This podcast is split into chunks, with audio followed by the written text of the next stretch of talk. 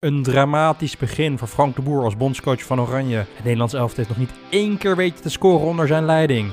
Dit en het fantastische transferbeleid van PSV. Deze week in de Bongenstok Ajax podcast.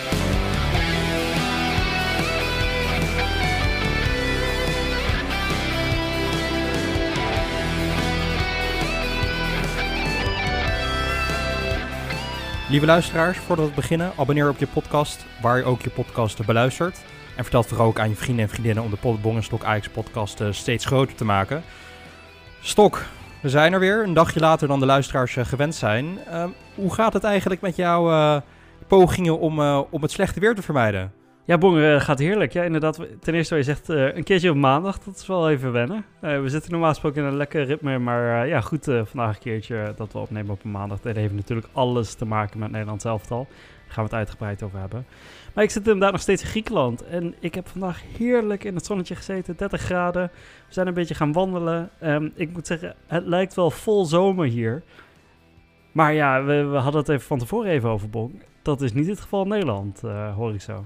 Nee, ze zeggen wel eens dat je als, als goede vrienden moet je geïnteresseerd zijn in elkaars levens. En dan moet je elkaar het beste gunnen. Maar ik word eigenlijk intens gereinigd van het feit dat jij in de goede zon zit. Ah. Want hier in Nederland, het, het, regent hier echt uh, pijpen stelen. Echt al, twee weken lang. En met de extra coronamaatregelen mogen we ook helemaal niks meer. Dus ik word gewoon heel erg buiten, of eh, binnen. En, en dan hoor ik jou praten over het feit dat je lekker buiten in de zon op een berg hebt zitten hiken, omdat het toch lekker 30 graden was. Ja, je kan het ook zo zien, Stok. Jij zou ook wat minder met jou van je leven met mij kunnen delen, zodat ik in een betere gemoedstoestand uh, terechtkom.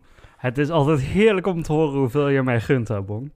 Dat is wel echt, uh, ja, het, nee, eh, echt heel fijn. Ja, het is een beetje ik, ik, ik en de rest kan stukken. Ja, nee, dat, dat is ik, ja. ja. Nee, dat snap ik wel.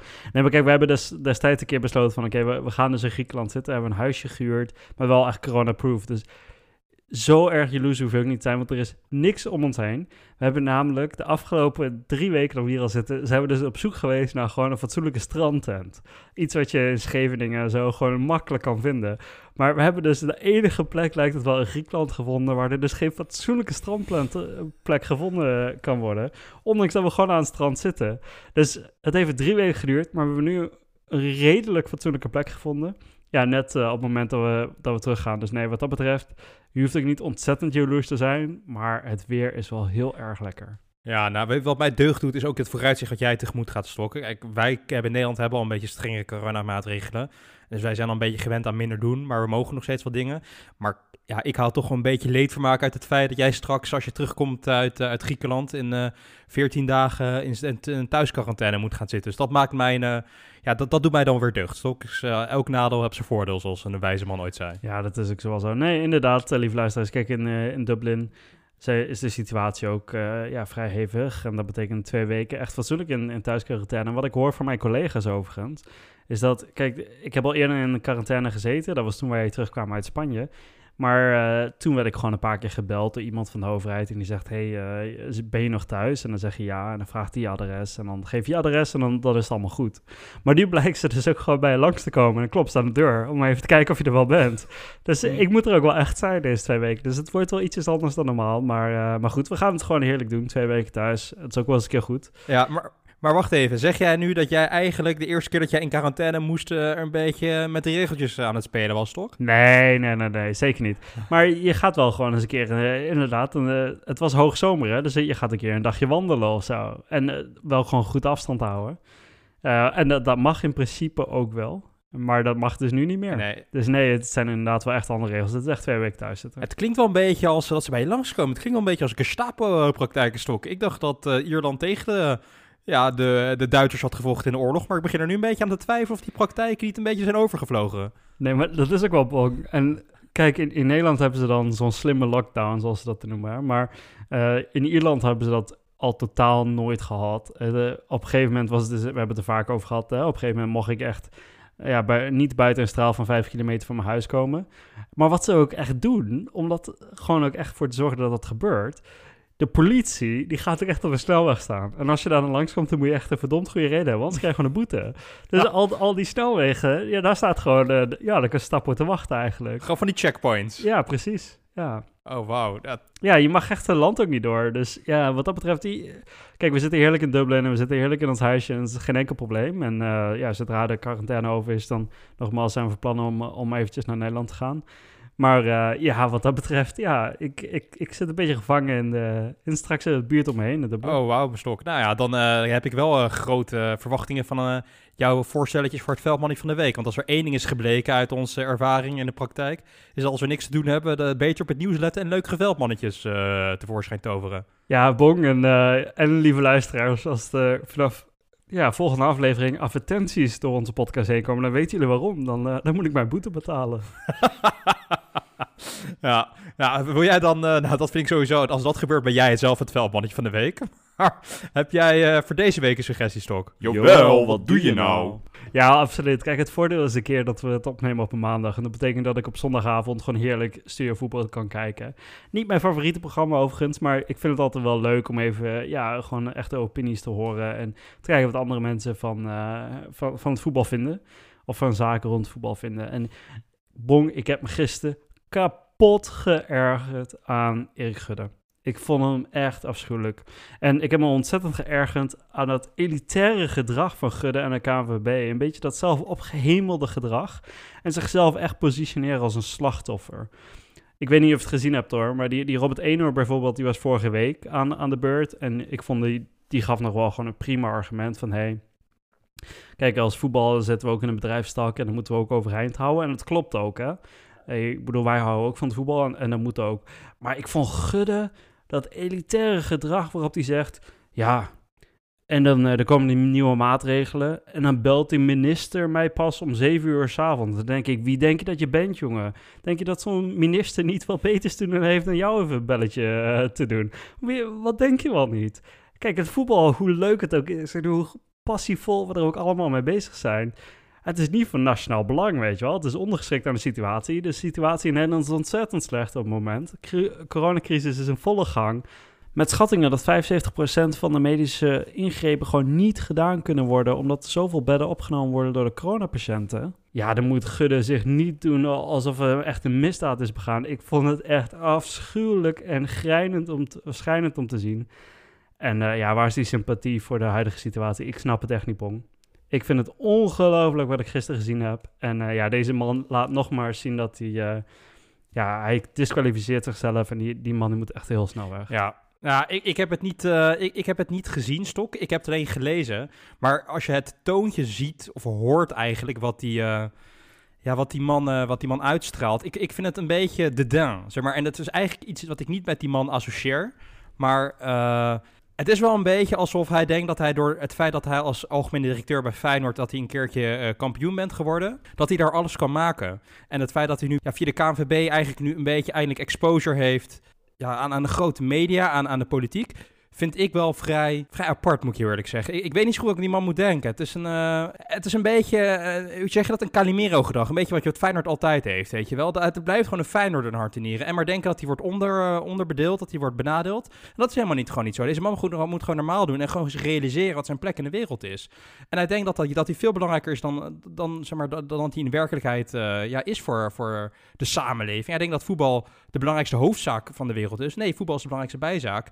Ja, en als je dan ook, ook nog zo over het feit gaat praten dat je minister uh, je niet op tijd belt, vind ik wel erg ver gaan, eerlijk gezegd. Ja, en dat ben ik dus helemaal met je eens. Kijk, mijn probleem is ook niet. Hij zei op zich best wel goede dingen. Hè? Bijvoorbeeld dat het voetbal, dat, dat sommige dingen, een buitensport bijvoorbeeld, dat er helemaal niet aangetoond is. Dat uh, als gewoon gevoetbald wordt, uh, dat dat, dat uh, bepaalde situaties oplevert doordat er meer coronagevallen komen. Dus daar heeft hij allemaal ijzersterke punten. Uh, ook dat bijvoorbeeld dat we moeten testen. Hey, bijvoorbeeld als we in de leeftijdsgroep 12 tot 18, als, die, als we daar nog maar één stoeltje tussen laten. Misschien heeft dat ook wel gewoon prima. Is dat ook wel gewoon wel prima. En kunnen we gewoon een stadion bijna vullen, weet je wel. Allemaal hartstikke goede punten. En ik, ik denk ook echt wel dat die, die man, die heeft wel kennis van zaken. Maar inderdaad, dat toontje dat hij heeft, dat elitaire oude hoer van die vent. En inderdaad laat zien, kijk ons nou, wij zijn zulk slachtoffer van dit coronacrisis. En het gaat ons allemaal slecht. En dan denk ik echt, man, uh, laten we eerlijk wezen. Ja, je vertegenwoordigt een bedrijfstak.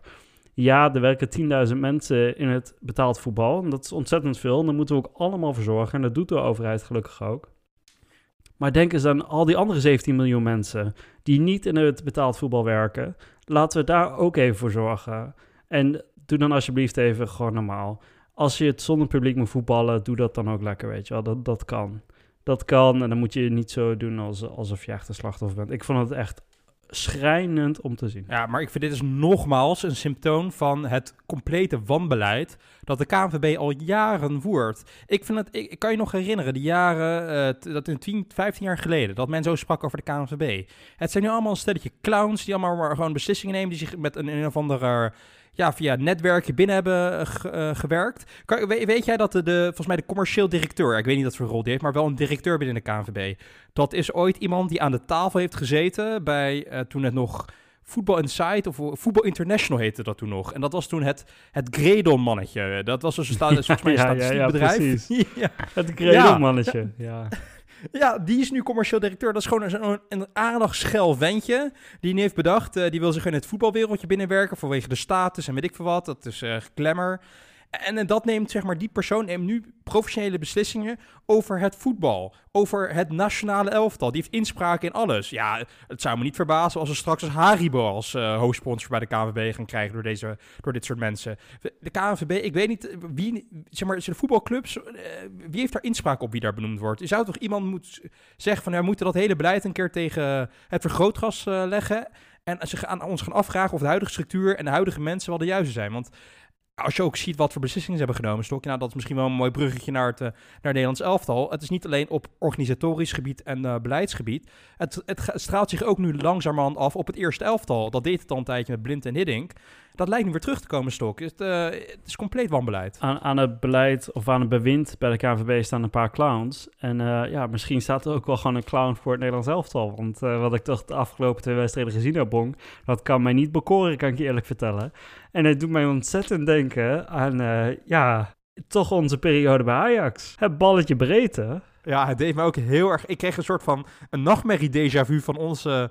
Ja, de wedstrijd dat wij in de arena zaten in uh, de seizoenen onder, uh, onder de boer, wel met kampioenschappen. Toen was er nog succes. Nu blijft zelfs het succes uit. Het, uh, het lijkt alleen maar erger te worden met, met Frank de Boer. En ik moet zeggen, kijk, um, ik vond oprecht eh, kijk, de, de, boer qua persoonlijkheid, hoe hij de media te woord staat. Hij is, de, ja, er staat wel iemand, weet je wel. Dus op zich gaat dat wel allemaal goed. Maar ja, onnavolgbaar in zijn keuzes, toch wel eerlijk gezegd. Um, laten we beginnen met de wedstrijd uh, tegen Bosnië. Uh, een wedstrijd die je moet winnen. Een wedstrijd waar Bosnië zeven vaste basisspelers spaart. Omdat ze tegen Noord-Ierland uh, uit het EK-kwalificatie zijn uh, getrapt. Hè? Dus dat, ja, Noord-Ierland, ja, dat, dat is toch ook geen grote tegenstander. Dan sparen ze zeven spelers. En alsnog krijg je het voor elkaar om misschien wel de slechtste basis zelf op te stellen. Waarop je je sterspeler van de vorige wedstrijd op de bank laat. En dat je het voor elkaar krijgt om minder kansen te creëren dan Bosnië. Nou, dan moet ik toch wel zeggen, Bong, dan faal je echt als een trainer. Absoluut. En het is altijd het excuus geweest voor de boer, hè, dat hij... Maar Inter was gewoon niet de cultuur, fair enough, weet je. Dat, kan je, dat begrijp ik ook nog wel ergens. Het is geen Italië die directe de boer... Dat, dat was gedoemd om te mislukken, vanaf het begin. Maar daarna hebben we natuurlijk een periode gehad dat hij bij Crystal Palace, een, degradant in, in Engeland, en vervolgens ja, in een niet-zeggende club in Amerika heeft getraind waar hij mislukt is. En er was altijd het excuus, en dat hadden we bij Ajax natuurlijk ook een beetje, het spelersmateriaal is niet goed genoeg. En daar, dat was altijd het idee bij de boer. Nou, het is een topspeler geweest. Zijn ideeën komen alleen over op topspelers. Die kunnen dat dan uitvoeren. Nou, we hebben nu al toch wel echt twee keer bewijs gezien dat dat niet waar is, hè, Stok? Het, het, ik denk dat het, dat het oordeel nu bijna definitief is over Frank de Boer... dat het gewoon geen goede trainer is. Niet gemaakt voor de top en niet gemaakt voor het trainersvak. Het is, uh, ja, ik wil niet snel oordelen, maar voor mij is het al klaar. Nee, en kijk, en uh, Valentijn Drieser, een man die ik weinig gelijk geef die, die zei misschien wel goed in de Telegraaf. Hè? Koeman is misschien wel op tijd vertrokken met zijn gouden pikkie. En uh, ja, misschien is dat ook wel gewoon zo. Want op dit moment zie je echt een elftal dat totaal niet in evenwicht is. Overigens, vrijwel alle topspelers die we hebben, en we hebben er veel, die zijn echt uit vorm. Hè? Van Dijk, die verliest met 7-2 uh, eh, bij Liverpool. Uh, Frenkie, die speelt al maanden ja, amper een goede bal. Uh, verdedigend sowieso, Matthijs de Ligt is natuurlijk niet. De Vrij die speelt niet ontzettend lekker. Blind is niet in vorm. En dan wil ik er nog ineens over in hebben. Dus op zich kan het elftal een stuk beter. Maar mijn probleem is, Bong, dat uh, die Koeman die gaat weg. Die spelers die staan in een positie waarop ze zeggen... wij willen op deze lijn uh, voortborduren. En ja, dan krijgen ze dus een, een de boer die als opdracht krijgt, doe vooral niks wat Koeman niet deed. Dus hij kan ook geen eens eigen visie doen. En dan de weinige aanpassingen die hij maakt aan het team, bijvoorbeeld een Malen op rechtsbuiten in plaats van uh, Berghuis. Ja, dat pakt dan volkomen verkeerd uit. Nou, dan verlies je alle geloofwaardigheid. En uh, wat dat betreft is de boer toch eigenlijk al wel weer een beetje klaar. Ja, nee, dat... Hier kom je er niet meer op terug. Nee, hier kom je er niet meer van Absoluut. En, en wat ik vond dat een hele interessante die je aanhaalt. En dan Malen die die op rechtsbuiten zet. Ik ben een enorme fan van, van Donjo Malen, laten we dat voorop stellen. Maar het is geen rechtsbuiten. En dan heb je, speel je tegen een elftal waarvan je weet, die gaan verdedigend spelen. Dus wat is belangrijk? Spelers die ruimte creëren op het veld. Het veld zo breed mogelijk houden. Voetbal 101. Dit hebben wij allebei op de amateurclub geleerd. Het veld zo breed mogelijk houden om zoveel mogelijk ruimte te creëren. Zeker tegen een verdedigende tegenstander. Maar Donny Malen is een spits en die gaat dan ook natuurlijker meer naar het centrum lopen. En dan heb je al Luc de Jong die niet goed in de kleine ruimte is. Ja, dan maak je die event nog moeilijker. En dan pas in de laatste kwartier voorzetten gaan geven, te laat wisselen. Ja, het zijn allemaal symptomen van het feit dat Frank de Boer ja, gewoon geen de niet voldoende capaciteit en niet voldoende kwaliteit heeft als een trainer om, om een Nederlandse elftal vooruit te, te helpen. En ik weet nou niet zozeer of dat ligt aan het feit dat het Nederlands elftal een fout in vorm is, of dat de boer ook niet in staat is om een elftal er weer bovenop te helpen. Ik weet het gewoon niet zo stok. En het, het, het, het, het is een beetje een wanhoop uh, bij mij, want uh, we hebben toch hoop gehad op een goede, goede uitslag op het EK, zelfs hoop op het EK te winnen. Nou, dat is bij mij in één week volledig vervlogen. Ja, absoluut, absoluut. En dit laat nog maar eens een keer zien waarom wij eigenlijk, tenminste ik voorop in deze podcast eerlijk gezegd, waarom ik liever een Van Gaal had gehad. Ik had liever gewoon een ijzeren ja, hand gehad die had gezegd, dit is hoe, het hoe we gaan spelen. En jullie denken wel dat jullie grote jongens zijn, maar in het internationale voetbal zullen jullie dat helemaal niet. Als je van Bosnië gewoon niet kan winnen, dan moet je je mond houden en luisteren naar een trainer als Van Gaal. Overigens snap ik de keuze van de boer dus inderdaad totaal niet. Hè?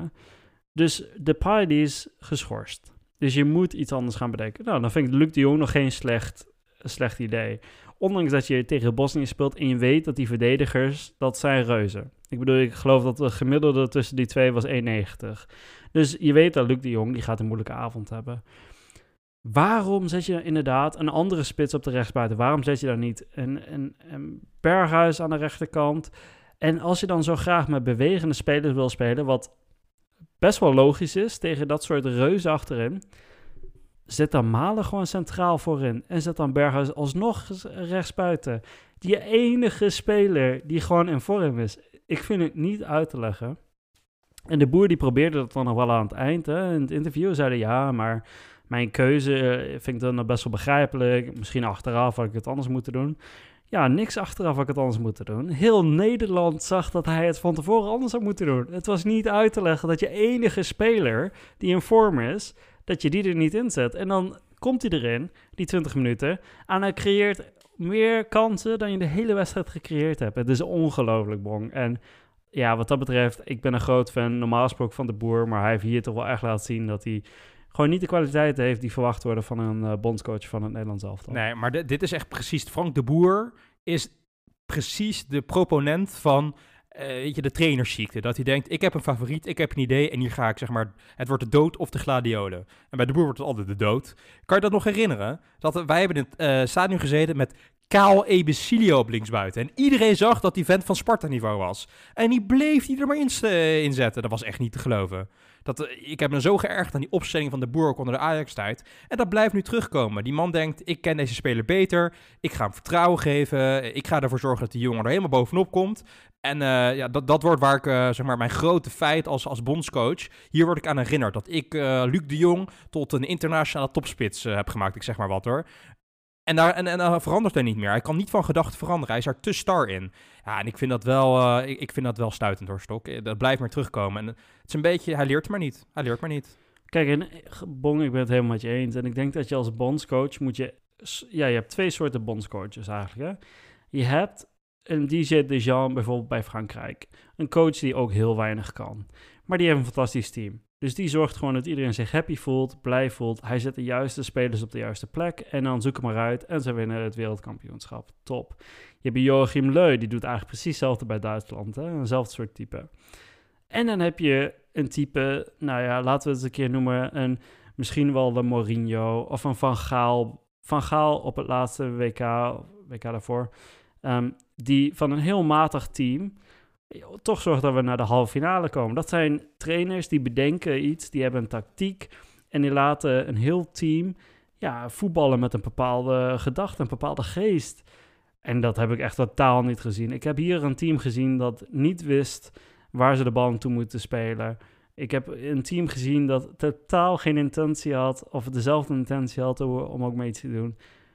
Het was beschamend om, uh, om te zien. Ik, ik heb echt ja, ik had echt moeite om, om de volledige wedstrijd te kijken tegen Bosnië. Ja, nee, dat heeft iedereen in Nederland uh, gehad. En dat is het enige, de, zeg maar, de enige oplossing en de hoop die je er nog hebt als de boer, is dat het Nederlands elftal zegt, oké, uh, of dat Van Dijk of een Leider of een Depay, weet je wel, het elftal zegt, oké jongens, nu is het genoeg, we gaan gewoon met z'n allen gaan we de trainer volgen, we geloven er 100% in en we gaan, uh, we gaan ervoor. Dat ze zich univeren als, zeg maar, zich samenkomen als, als groep. Maar ja, daar moet je ook heel realistisch in zijn. Welk krediet heeft de boer nu? Welke geloofwaardigheid heeft de boer nu? Deze jongens zijn niet dom, die volgen ook het voetbal. Die hebben ook gezien dat Frank de Boer de afgelopen acht jaar niks gepresteerd heeft. En dat die elftallen dat niet naar hem luisteren, zelfs in een, uh, bij kleine clubs niet heeft gepresteerd. Ja, dan heb je toch ook geen status en prestige. Dat, dat, als speler zou ik daar ook niet uh, heel veel vertrouwen in hebben. En hem ook niet, niet heel serieus nemen, eerlijk gezegd. Ik zou hem achter zijn rug uh, omlachen, eerlijk gezegd. Ja, 100%. Absoluut.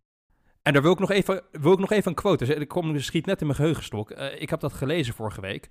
Over uh, het feit dat spelers de boer niet serieus nemen. Heb jij dat verhaal meegekregen van de spelers van Atalanta FC, volgens mij? Atlanta FC, waar, die, waar die trainer was in Amerika. Ja, um, hun gedrag tijdens de halve finale Ajax-Tottenham. Ja, precies. dat waarschijnlijk over. Precies, dat al die spelers me zo haten en ze weten dat hij van Ajax was, dat, voor, dat hij van Ajax kwam. Dat ze tijdens de finale juichten voor Tottenham en dat uh, toen Tottenham de, de 3-2 uh, scoorde, ja, dat ze toen helemaal, helemaal, helemaal losgingen. Ja, echt niet te geloven.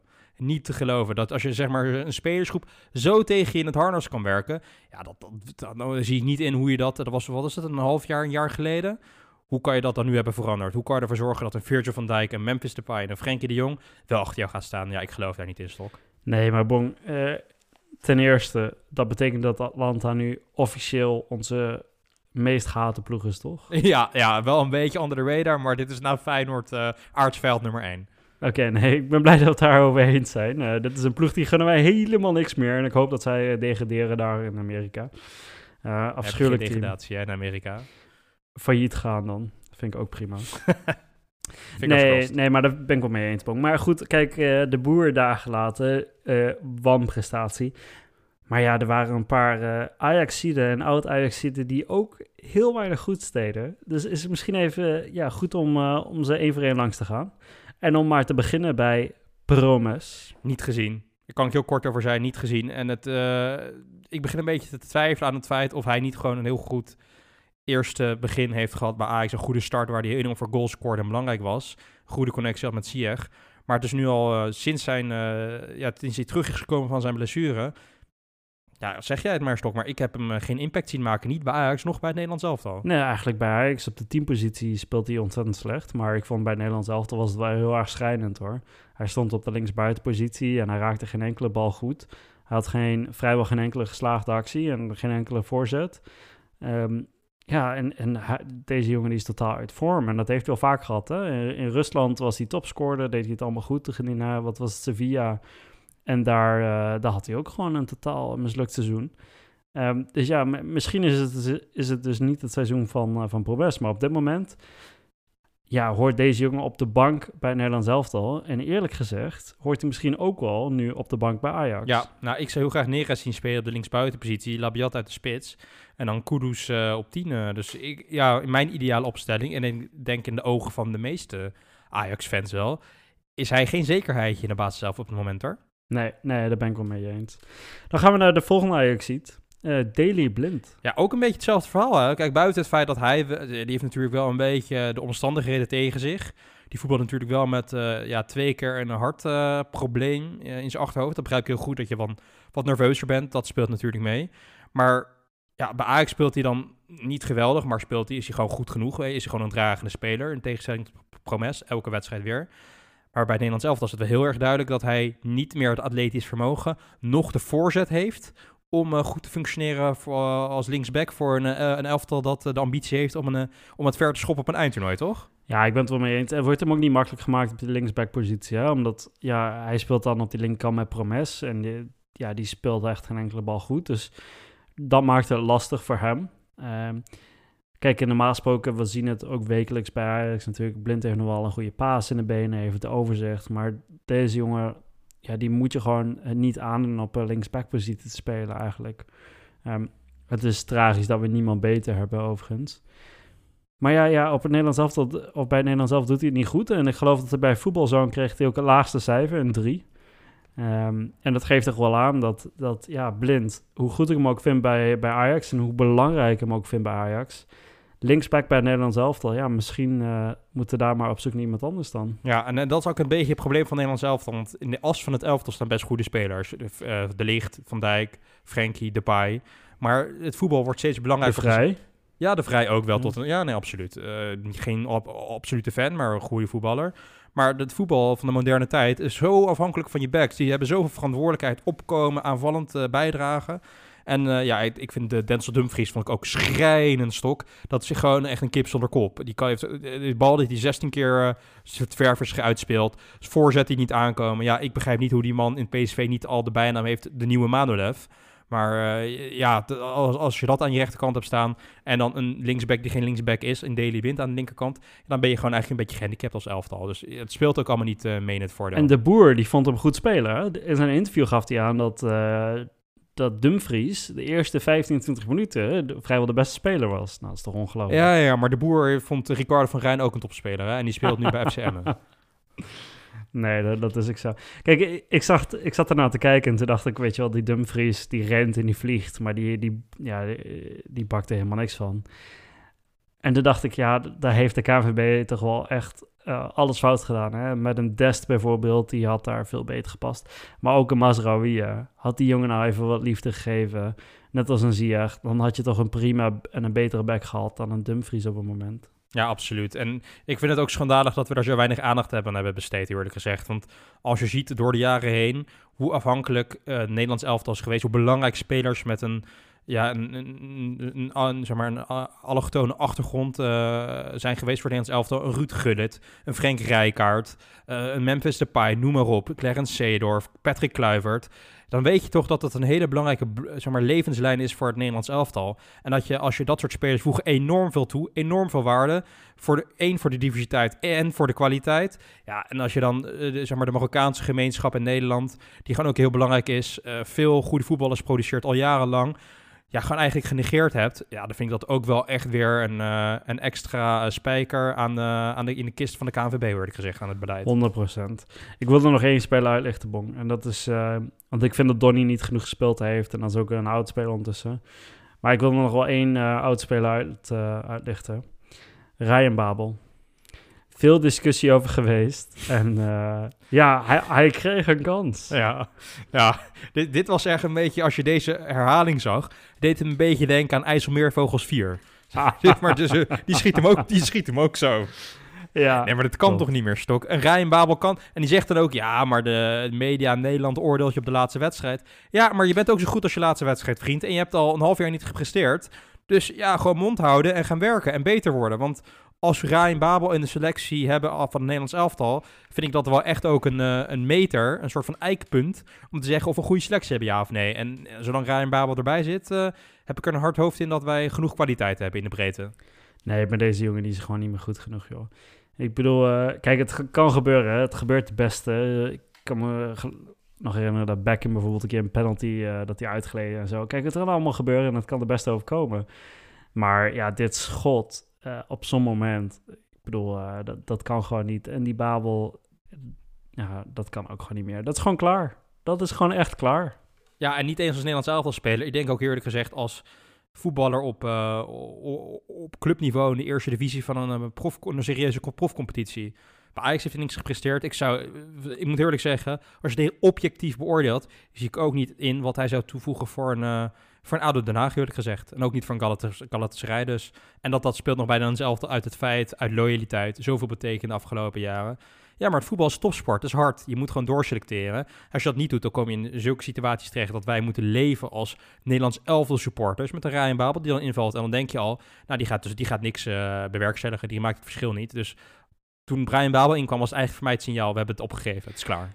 Hé, maar bon, kijk, uh, we hebben nu over de Ajax-spelerschap bij Nederlands elftal, maar steeds meer zie ik uh, PSV-spelers eigenlijk voorbij komen in Nederlands elftal. We hebben Dumfries natuurlijk, we hebben Malen. Ik verwacht dat Gapco er binnenkort ook wel bij komt.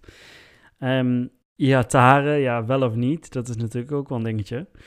Um, maar dat is misschien ook wel gelijk een mooi bruggetje naar het feit dat PSV was nadrukkelijk in het nieuws uh, afgelopen weken. Verrassende momenten gezien. Uh, onder andere aan het eind van de transferperiode. En uh, ja, ja, de vraag toch al aan jou, Bro. Moeten wij nou bang zijn van dit PSV? Dit PSV vol met nieuwe aankopen.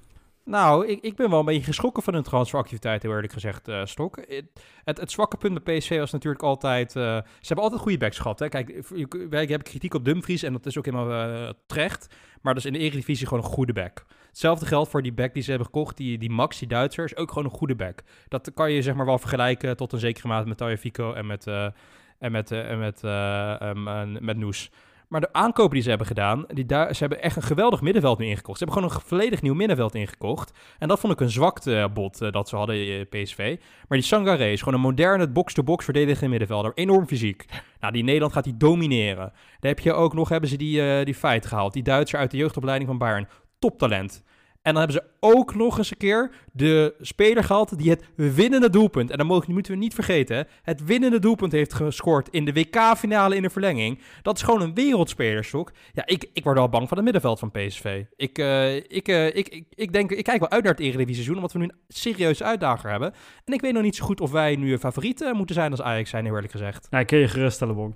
Ik heb veel van deze spelers gezien in de Bundesliga en ik denk dat wij gewoon rustig kunnen slapen vanavond. Uh, geen nachtmerries vanavond van uh, Gutsen bijvoorbeeld. Uh, nee, ontzettend matige speler.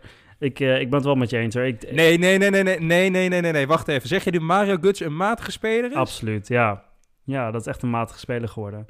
Hij was echt fantastisch in zijn eerste periode bij Dortmund. Natuurlijk ook toen Dortmund de finale van de Champions League uh, haalde. En toen verloor tegen Bayern, ondanks dat hij was toen geschorst of geblesseerd, geloof ik. Toen is hij naar Bayern gegaan, heeft hij weinig klaargespeeld bij het nationale elftal in die wedstrijd heeft hij uh, ja, wel die goal gemaakt. Naar een fantastisch moment voor hem natuurlijk. Maar ik heb hem de afgelopen twee jaar, uh, door persoonlijke redenen kijk ik elke week Dortmund. En uh, ik heb hem de afgelopen twee jaar bij Dortmund zien spelen. En vooral in het eerste seizoen speelde hij vrij vaak op, op de spitspositie, omdat Haarland daar bijvoorbeeld nog niet was. En die man die kan er helemaal niks meer van, Bong. Die heeft helemaal niks meer klaargespeeld. Weet je wat zijn bijnaam is in Dortmund? Nee, wat is dat? Fatty. dat hij zo dik is? Ja, hij is altijd te dik.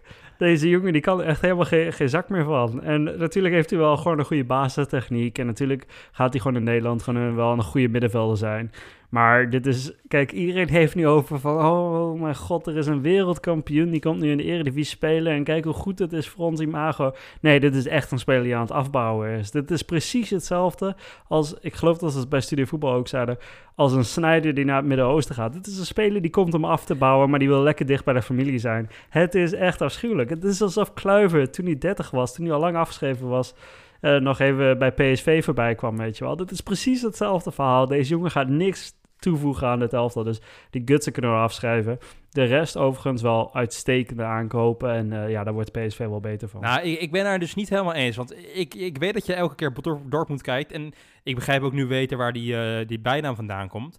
Maar deze jongen heeft wel serieuze uh, blessures gehad. En echt serieuze chronische blessures. Dat gewoon echt aan zijn lichaam lag. Dat niet aan het feit dat hij op het voetbalveld geraakt was. Daar kon hij verder niet heel veel aan doen. Daar heeft hij heel lang gewoon echt mee, mee, mee gelopen. Hè. Dat heeft hem echt parten gespeeld.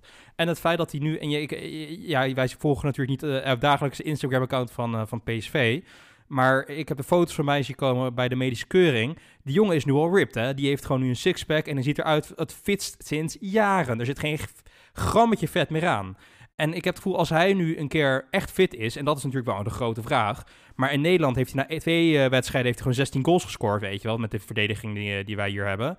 Dan krijgt de jongen zo vertrouwen en dan zie ik hem zo weer een topspeler worden stok. Dus ja, ik sta daar toch wel een beetje genuanceerder in uh, dan jij. En ik denk dat als Gutsen dat, zeg maar, als alle puzzelstukjes op het juiste plek vallen, dat PSV bij echt bij verre, veruit het beste middenveld heeft uh, in de Eredivisie. Kijk, ik, uh, ik ben het uiteraard niet mee eens. Ik denk dat Gutsen best wel tegen gaat vallen. Nogmaals, ik zie het een beetje als een kluiver die toen, die toen naar PSV ging.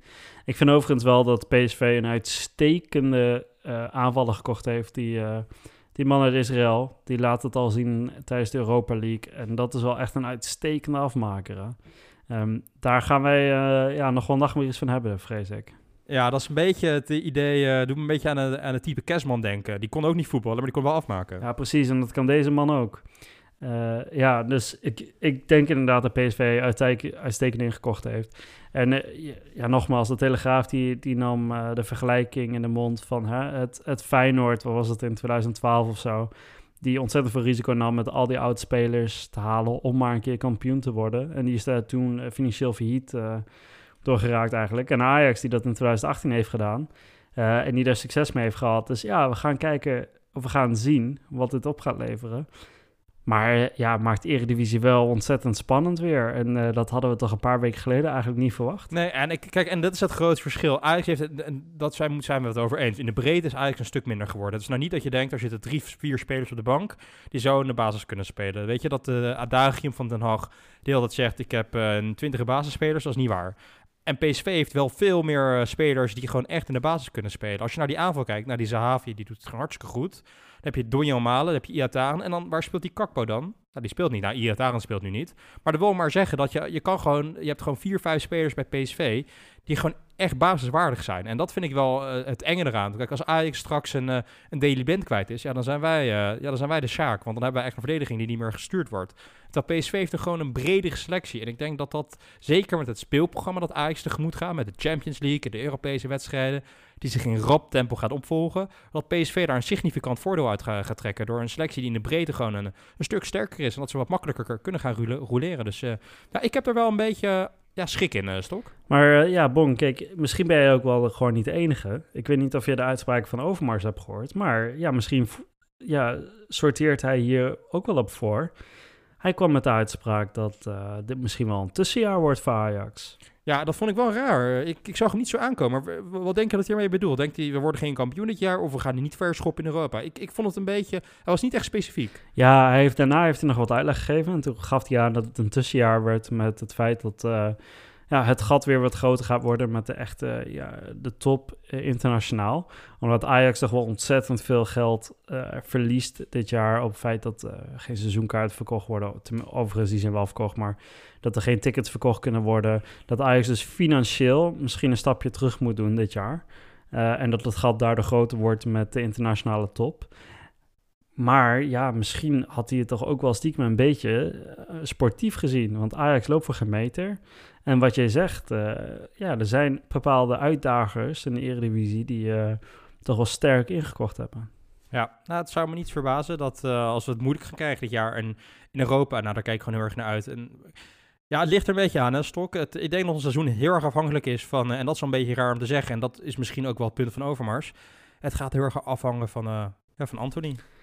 Nou, we zijn bijna weer aan het eind van deze aflevering. Misschien nog uh, een korte voorspelling voor de wedstrijd van, uh, van morgen. Uh, woensdag uit in Atalanta tegen Italië. De derde wedstrijd onder de boer.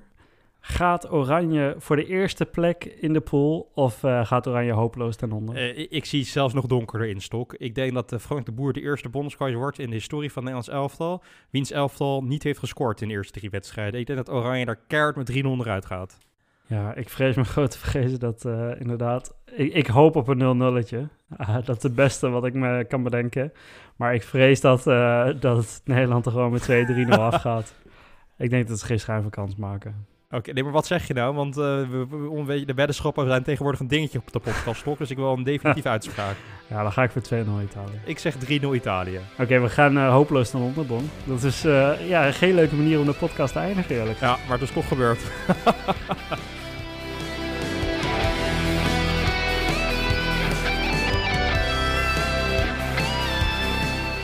Lieve luisteraars, komende woensdag is er weer een wedstrijd onder leiding van de boer. Uit tegen Italië verrast het Nederlands elftal ons dan wel. Wij vrezen een nederlaag, maar goed, de wonderen zijn de wereld nog niet uit. Komende week zijn we er gewoon weer met een analyse van de thuiswedstrijd de Ajax Heerenveen. En gaan we ook vooral voorbeschouwen op de thuiswedstrijd, de allerbelangrijkste thuiswedstrijd tegen Liverpool, de eerste wedstrijd van de Champions League. Wij kunnen niet wachten. En uh, ja, we zitten nu al eigenlijk op het puntje van de stoel. Weet Ajax daar de eerste punten af te snoepen van de absolute favoriet van, uh, van onze pool? Ja, wij, uh, wij hopen het toch wel. Tot volgende week, lieve luisteraars.